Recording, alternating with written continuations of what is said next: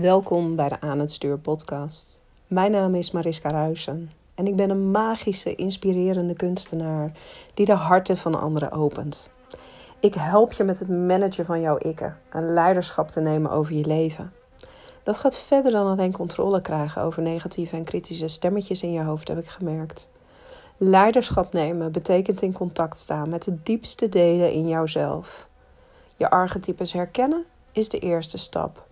Volledige vrijheid ontstaat bij het belichamen ervan.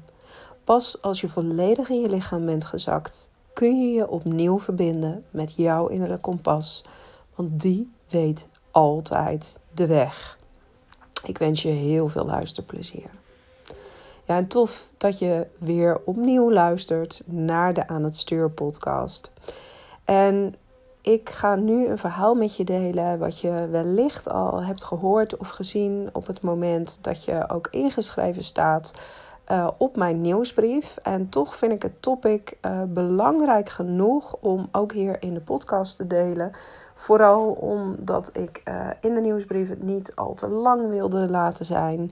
Um, en ik lang niet alle lessen um, heb genoemd en gedeeld die er zitten in een verhaal wat Roy Martina deelde tijdens het driedaagse event Manifestation afgelopen week.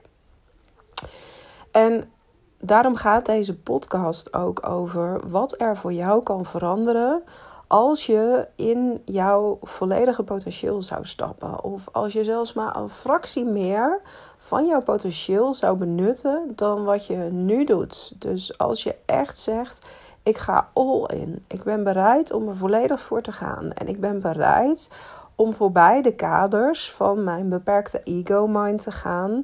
Die mij vertelt van ja, uh, weet je, als je het zus of zo doet, dan lukt het wel. Je ego-mind is hetgene wat jou klein houdt.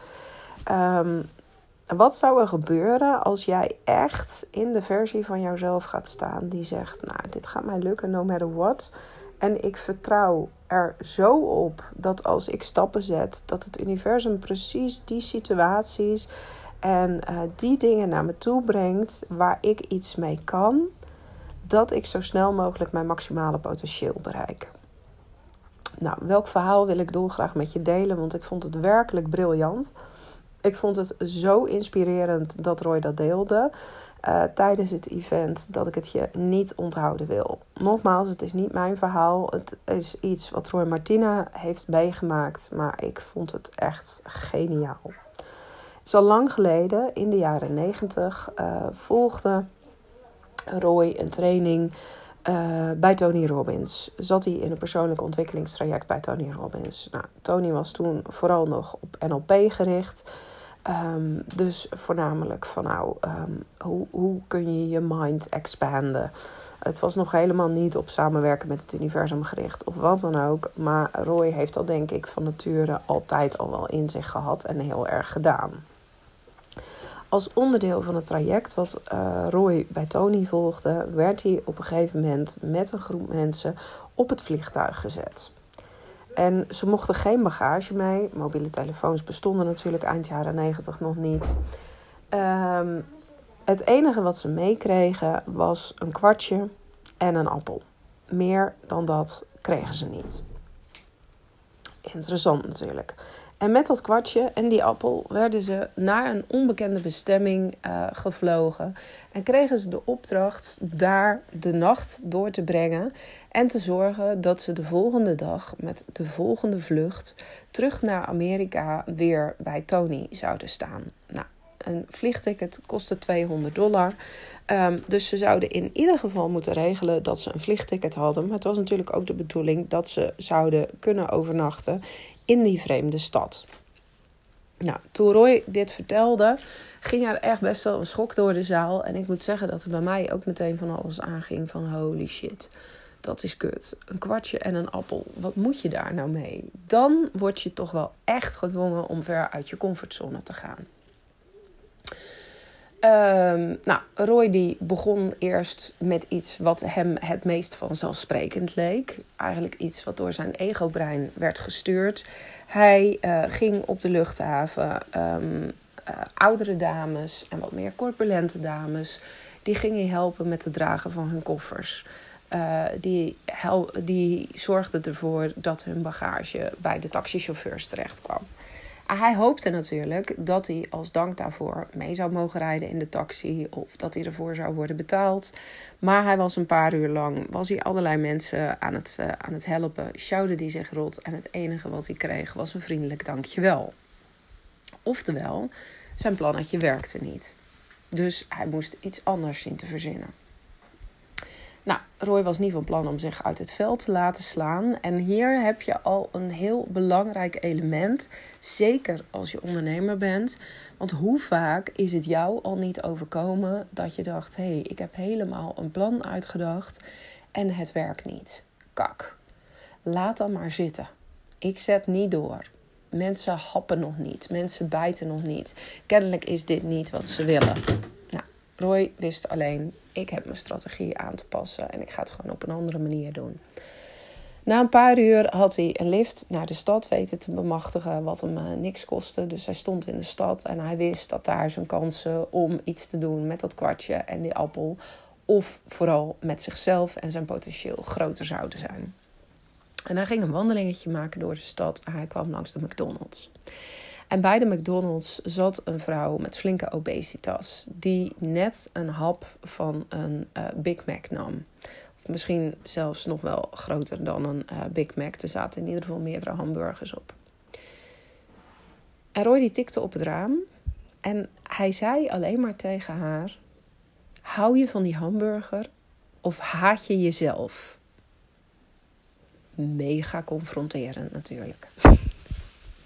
En tegelijkertijd, ik zie het hem ook echt doen. Want die man die kan af en toe zo vreselijk kort door de bocht zijn. Dat het ook wel weer hilarisch is. Hij ging naar binnen, naar die vrouw. En die vrouw die schrok natuurlijk uh, van wat Roy tegen hem had gezegd.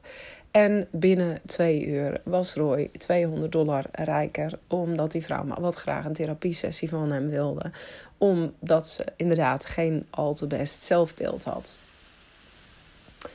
Nou, dus Roy had die 200 euro op zak en hij wist, nou, dat vliegticket, dat zit wel gebakken. Maar hij moest ook nog een overnachting regelen in de stad. En hij had ook zoiets van, ja, ik wil toch ook in ieder geval zelf nog wel wat geld uitgeven aan eten. Want ik ben niet van plan om 24 uur op alleen een appel te leven. Hij was toen ook nog niet op het punt dat hij van prana wilde leven of dat hij dat kon. Hij had gewoon zoiets, ik ga hier een feestje van maken. Dus hij loopt verder door de stad en uh, de avond valt in. En hij komt langs een uitgaansgelegenheid uh, waar een uitsmijter voor de deur stond. En op dat moment viel hem een idee in. Want hij dacht, hé, hey, maar uitsmijters die hebben altijd heel veel tipgeld op zak. Die hebben altijd een hoop cash op zak en misschien dat ik daar wel wat mee kan. Dus Roy die liep naar die uitsmijter toe en die zegt... Ehm, ken jij toevallig iemand die heel graag zou willen stoppen met roken? Want ik ben eigenlijk op zoek naar iemand die ik daarmee helpen kan. Nou, en die uitsmijter die zegt meteen: Oh ja, ja, ik weet zeker wel iemand. Want uh, een van de serveersters die hier binnen werkt, die is zwanger. En um, ja, ze weet hoe slecht het voor haar kindje is. Maar het lukt haar niet om te stoppen met roken. Ze heeft al heel veel wanhoopspogingen gedaan, maar het lukt haar niet. Toen zei Roy: Ik wil met jou wedden dat ik haar binnen 15 minuten van het roken af heb. En als mij dat lukt, dan krijg ik als tegenprestatie al het geld uit jouw zak. Nou, die uitsmijter die wist hoeveel pogingen die serveerster al had gedaan. En die dacht, nou dat gaat Roy nooit lukken. Dit is gewoon een vent met een grote bek. Dus die accepteert de weddenschap. Roy gaat naar binnen, uh, naar die serveerster. Die op dat moment net alweer een sigaret aan wil steken. Uh, op dat moment mocht er natuurlijk uh, binnen ook nog worden gerookt. En uh, het enige wat Roy tegen haar zei was: Oh jeetje.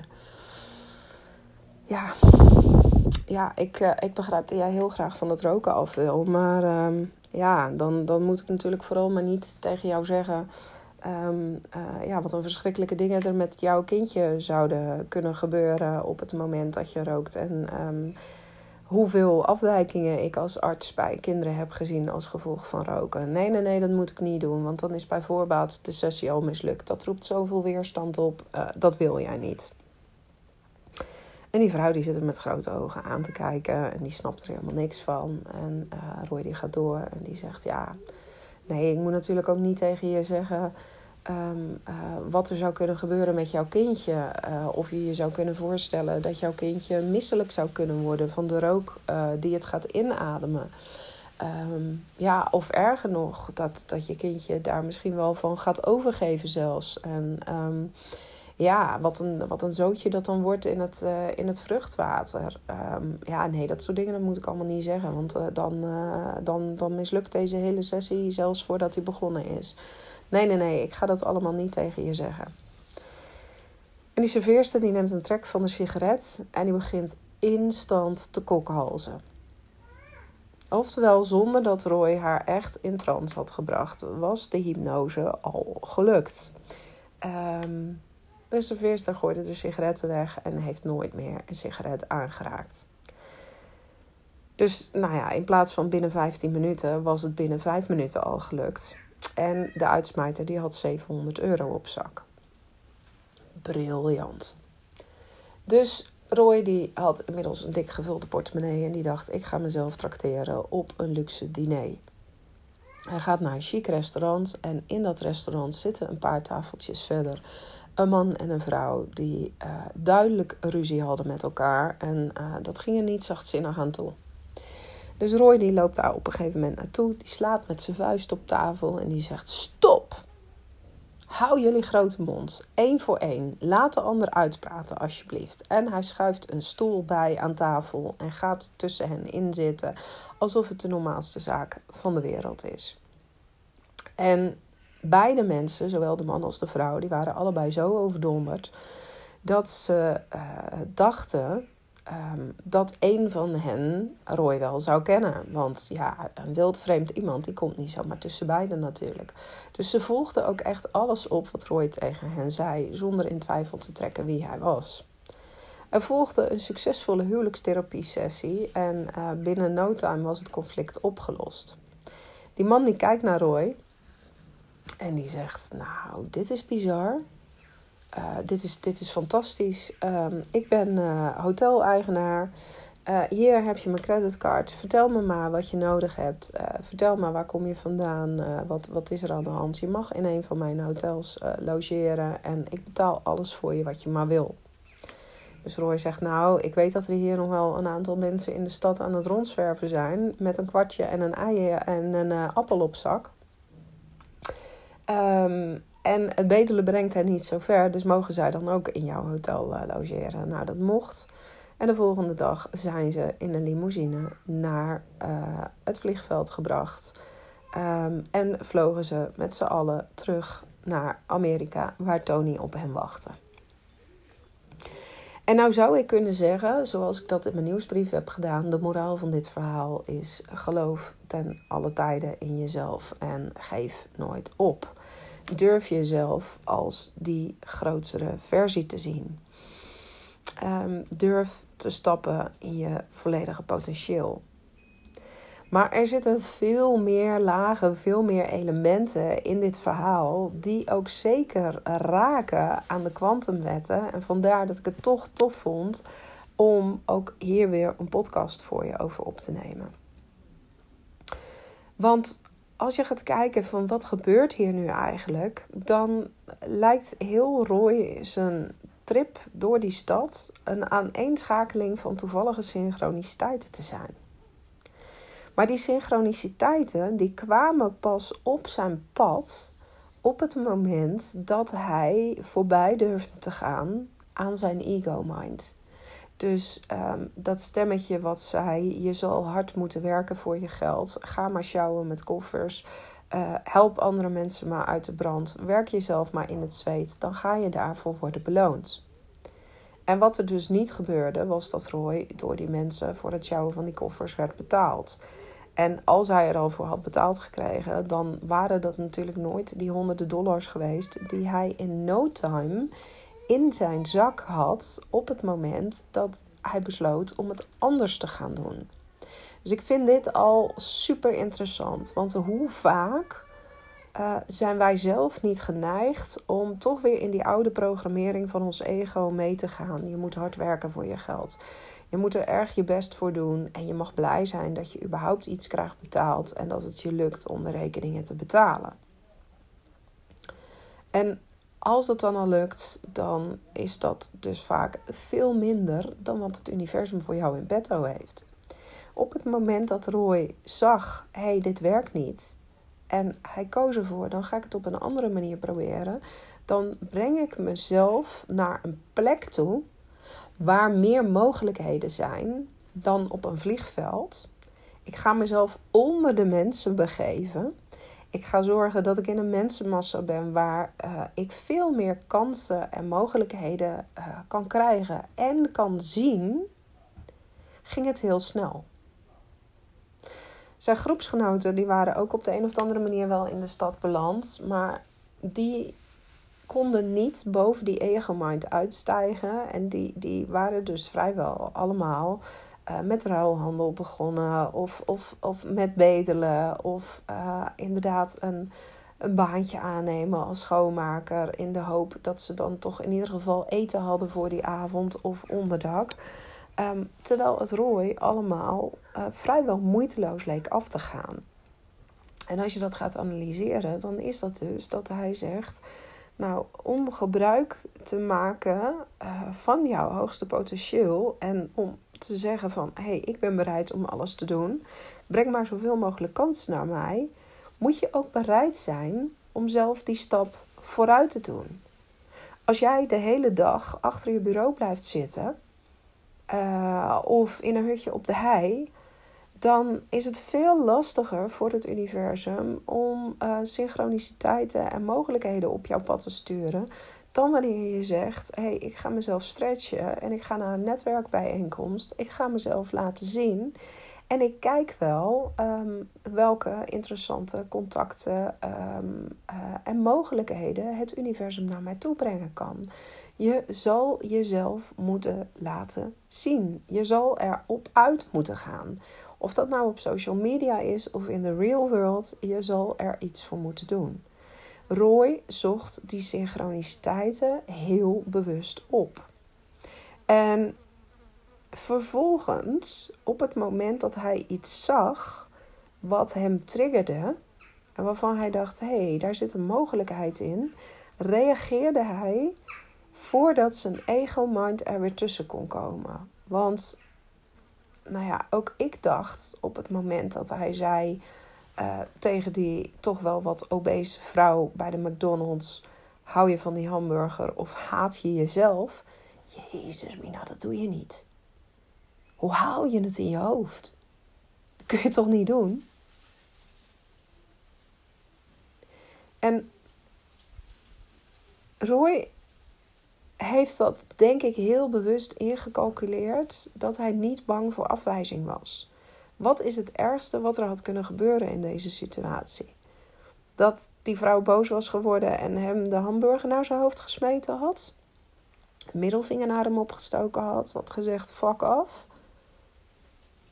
Of zou zij de diepte van zijn woorden hebben kunnen voelen op dat moment durfde Roy erop te vertrouwen dat deze situatie aan hem werd getoond, omdat hij wist: hey, ik heb hier in de wereld iets te doen uh, om mensen te helpen naar een hogere versie van zichzelf. Was hij zo geconnect met zijn eigen waarde, met zijn uh, reden waarom hij hier is, zijn eigen why dat hij daarin een mogelijkheid zag. In plaats van dat hij dat heel omslachtig en voorzichtig ging benaderen. Nee, hij sprong er meteen in. Dus ook hier weer liet Roy zich leiden door zijn hogere zelf. Die wist, ik heb hier iets te doen. Um, het is nu eten of gegeten worden. Het is ook mijn survival. Maar ik ga dat wel doen op een manier waarop ik een ander ook dienen kan. In plaats van alleen maar voor zijn eigen geluk te gaan. En dat zie je natuurlijk dat hij dat later ook deed. Want op het moment dat hij meer dan genoeg geld al had verdiend um, voor de opdracht die voor hem lag. En dat hij wist, nou, ik kan gewoon in een luxe hotel gaan slapen. Ik kan luxe uiteten. En dan heb ik morgen nog steeds geld in mijn portemonnee. Uh, durfde hij ook nog eens uh, tegen die hoteleigenaar te zeggen ja, weet je, als dan toch alles mogelijk is en als er geen limiet aan zit wat je me betalen wil, dan wil ik ook wel zorgen voor mijn groepsgenoten nu, want die hebben ook onderdak nodig. Dus Roy beheerste ook ehm, de kern van geven en ontvangen nog eens enorm. Geef altijd meer dan dat je zelf nodig hebt, in plaats van dat hij alleen maar voor zijn eigen gewin ging. En daar zitten hele, hele belangrijke kwantumprincipes, hele belangrijke kwantumwetten in. Dit trilt en resoneert met alle kwantumwetten op een heel diep niveau. En het zorgt er dus voor dat op het moment dat jij op die hoge frequentie zit en dat je dus onvoorwaardelijk in jezelf gelooft, dat je onvoorwaardelijk gelooft, ik word geleid, ik kan hier uh, de dingen doen uh, die belangrijk voor mij zijn, zelfs als ik in een benarde situatie zit. Um, en ik ben dan bereid om dat te doen voor een ieders hoogste goed. Want hij had een zwangere vrouw van het roken afgeholpen. Uh, hij heeft een huwelijkscrisis opgelost. Hij heeft een vrouw met een negatief zelfbeeld weer een steuntje in de rug gegeven. Dus ik ben hier um, niet alleen voor mijn eigen gewin, maar ik ben hier voor een hoger doel. Op het moment dat hij daarmee bezig was, kan het niet anders dan dat je daarvoor door het universum wordt beloond. Het kan niet anders dan dat er dan overvloed naar je toe komt. En ja, ik vind het echt werkelijk een geniaal verhaal. Want ja, vertelde ook zonder blikken of blozen dat hij in de 44 jaar dat hij nu bezig is, ehm, dat hij ook heel veel gratis heeft gedaan. Dat hij heel veel heeft weggegeven. En dat hij zeker al meer dan 30 eh, miljoen aan inkomsten heeft vergaard. Maar dat er lang niet meer 30 miljoen van over is, omdat hij altijd meer weggeeft ehm, eh, van alles wat hij zelf niet nodig heeft. En daarom is er ook een constante stroom bij hem op gang.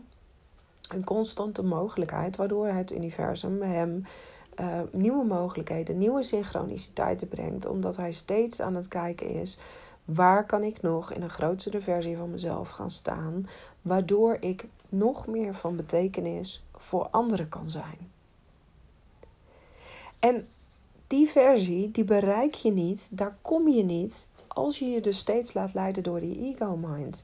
Als jij je steeds door die Calimero in jouzelf klein laat maken um, en gelooft dat hij zegt: Ja, Jezus, met een appel en een kwartje, ga jij niet overleven. Want dat lukt ze in de derde wereld ook niet. Zie je het verschil? Ik geloof namelijk dat iedereen dezelfde potentie bezit. Ik geloof dat iedereen kan wat Roy ook kan.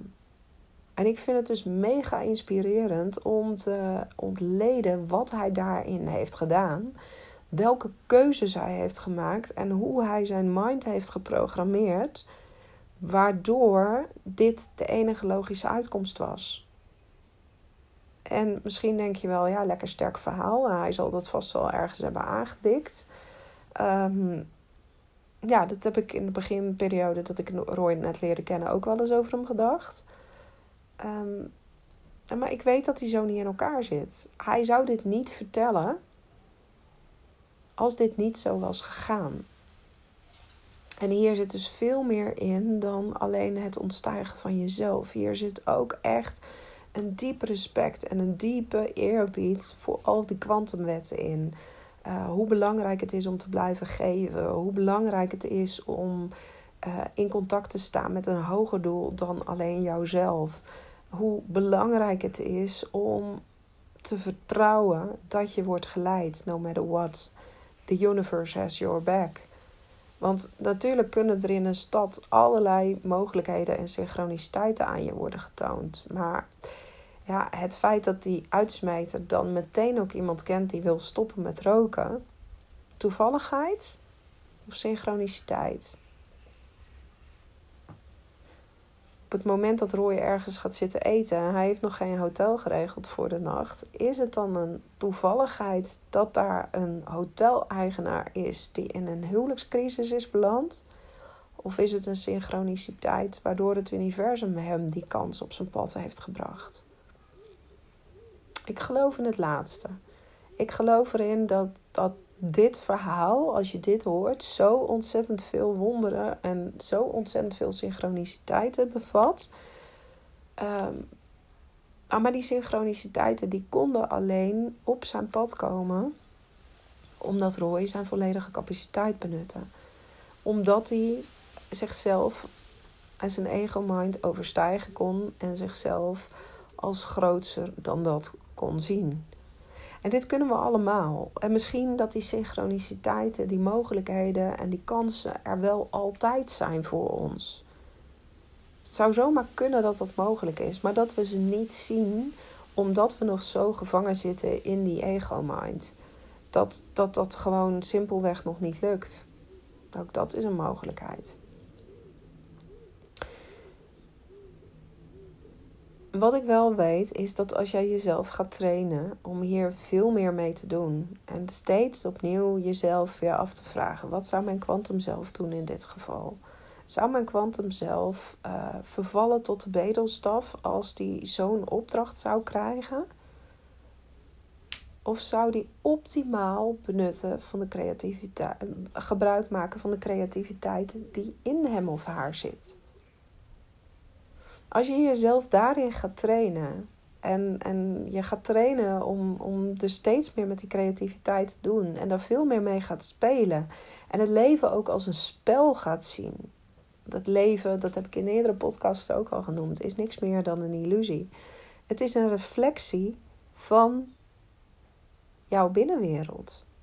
En dat is ook waarom die mensen die dus nog steeds aan het betelen waren met dat kwartje en die appel, uh, dat dat heel veel zei over hoe zij zichzelf van binnen konden zien.